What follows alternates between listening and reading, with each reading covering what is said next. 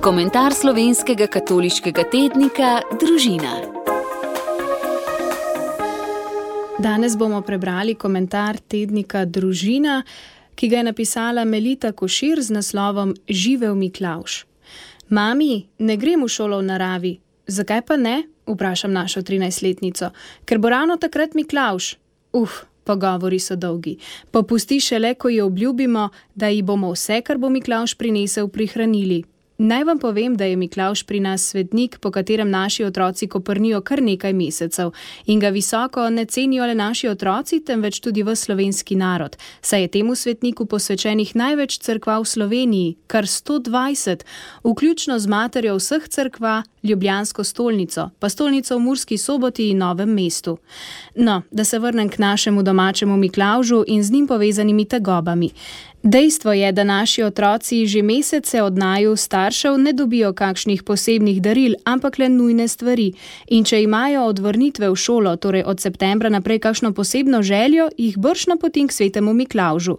Njemu piši, on ti morda prinese. In tako se v skrivnostni noči na Miklauževi mizi znajdajo stvari, ki so se jih otroci zelo želeli, pa jih od mame in Atija niso dobili, od Miklauža pa.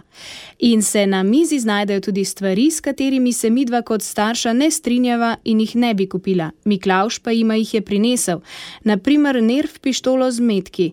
Dobrota pač ni povezana s pedagogiko ali logiko, ampak z ljubeznijo in te, hvala Bogu, naši domači Miklauž premore v obilju ker darila, ki jih zloži na krožnike, ki smo jih zvečer postavili na pogrnjeno mizo in opremili z našimi imeni, da se ne bi, bog ne daj, vedno bolj star in pozabljiv nebeški dobrotnik zmotil in komu kaj narobe dal, obilno posuje za rašidi, čokoladnimi bomboni, pisanimi bombončki, mandarinami, pomarančami.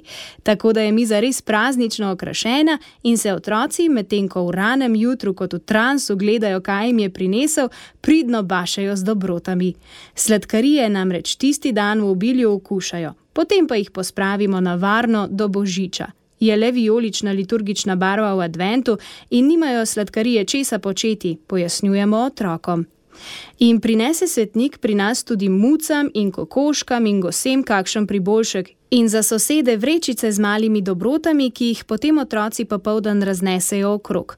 Dobrota je pač nalezljiva in sreče polno srce ne more drugače, kot da delček dobrote deli naprej. In vedno tudi popije čaj in poje piškot, ki mu ga pripravimo sredi mize. Je le dolga pot dol z nebes. Ampak mi je dalo vseeno misliti, nekaj več mora biti kot samo darila. Kaj je, kar je naši najstnici tako dragoceno? Mislim, da je to dobrota, otipljiva, vidna dobrota. To je Miklauš, kajti dobrota je kot topel plašč, ki nas še dolgo greje. Kdaj ste na zadnje občutili dobroto? Da vam je nekdo naredil nekaj dobrega, vas nepreračunljivo postavil pred sebe, daroval nekaj svojega časa ali denarja, ali podaril nasmeh ali rožo, ali skuhal kavo in jo postregel. To pogreje, kaj ne? In v teh dneh, ki so temni in mrzli, taka dejanja sijajo kot svetilniki. Zato se mi zdi, je Miklaš tako privlačen in aktualen. Dobrota je kot luč, ki jo prižigamo v temo. Dobrota ima okus, kakor je v hrani, ki jo damo na mizo, skrito veliko ljubezni, našega podarjenega časa, dela in truda. Tako ima vsako dejanje dobrote pri okus Božjega, Boga. Nekdo vidi naše skrite potrebe, želje, nekdo misli na nas, nekdo nas ima tako rad, da nas pocrklja. Bog nam je dal Miklauža, da bi fizično izkusili, koliko veselja in upanja prinaša dobrota, in da bi potem iz tega veselja, ki ga ne moremo držati le zase, šli in delali prav tako. Ker že sveto pismo pravi, da je večja sreča dajati kot prejemati, vas vabim in izzivam, da ste tudi vi, Miklauži, točno tam, kjer ste. Vi boste srečni, ker boste nekoga osrečili, in nekdo bo srečen, ker ga boste osrečili. Vredno poskusiti, kaj ne? Tako je v tedniku družina zapisala Melita Košir. Komentar slovenskega katoliškega tednika Družina.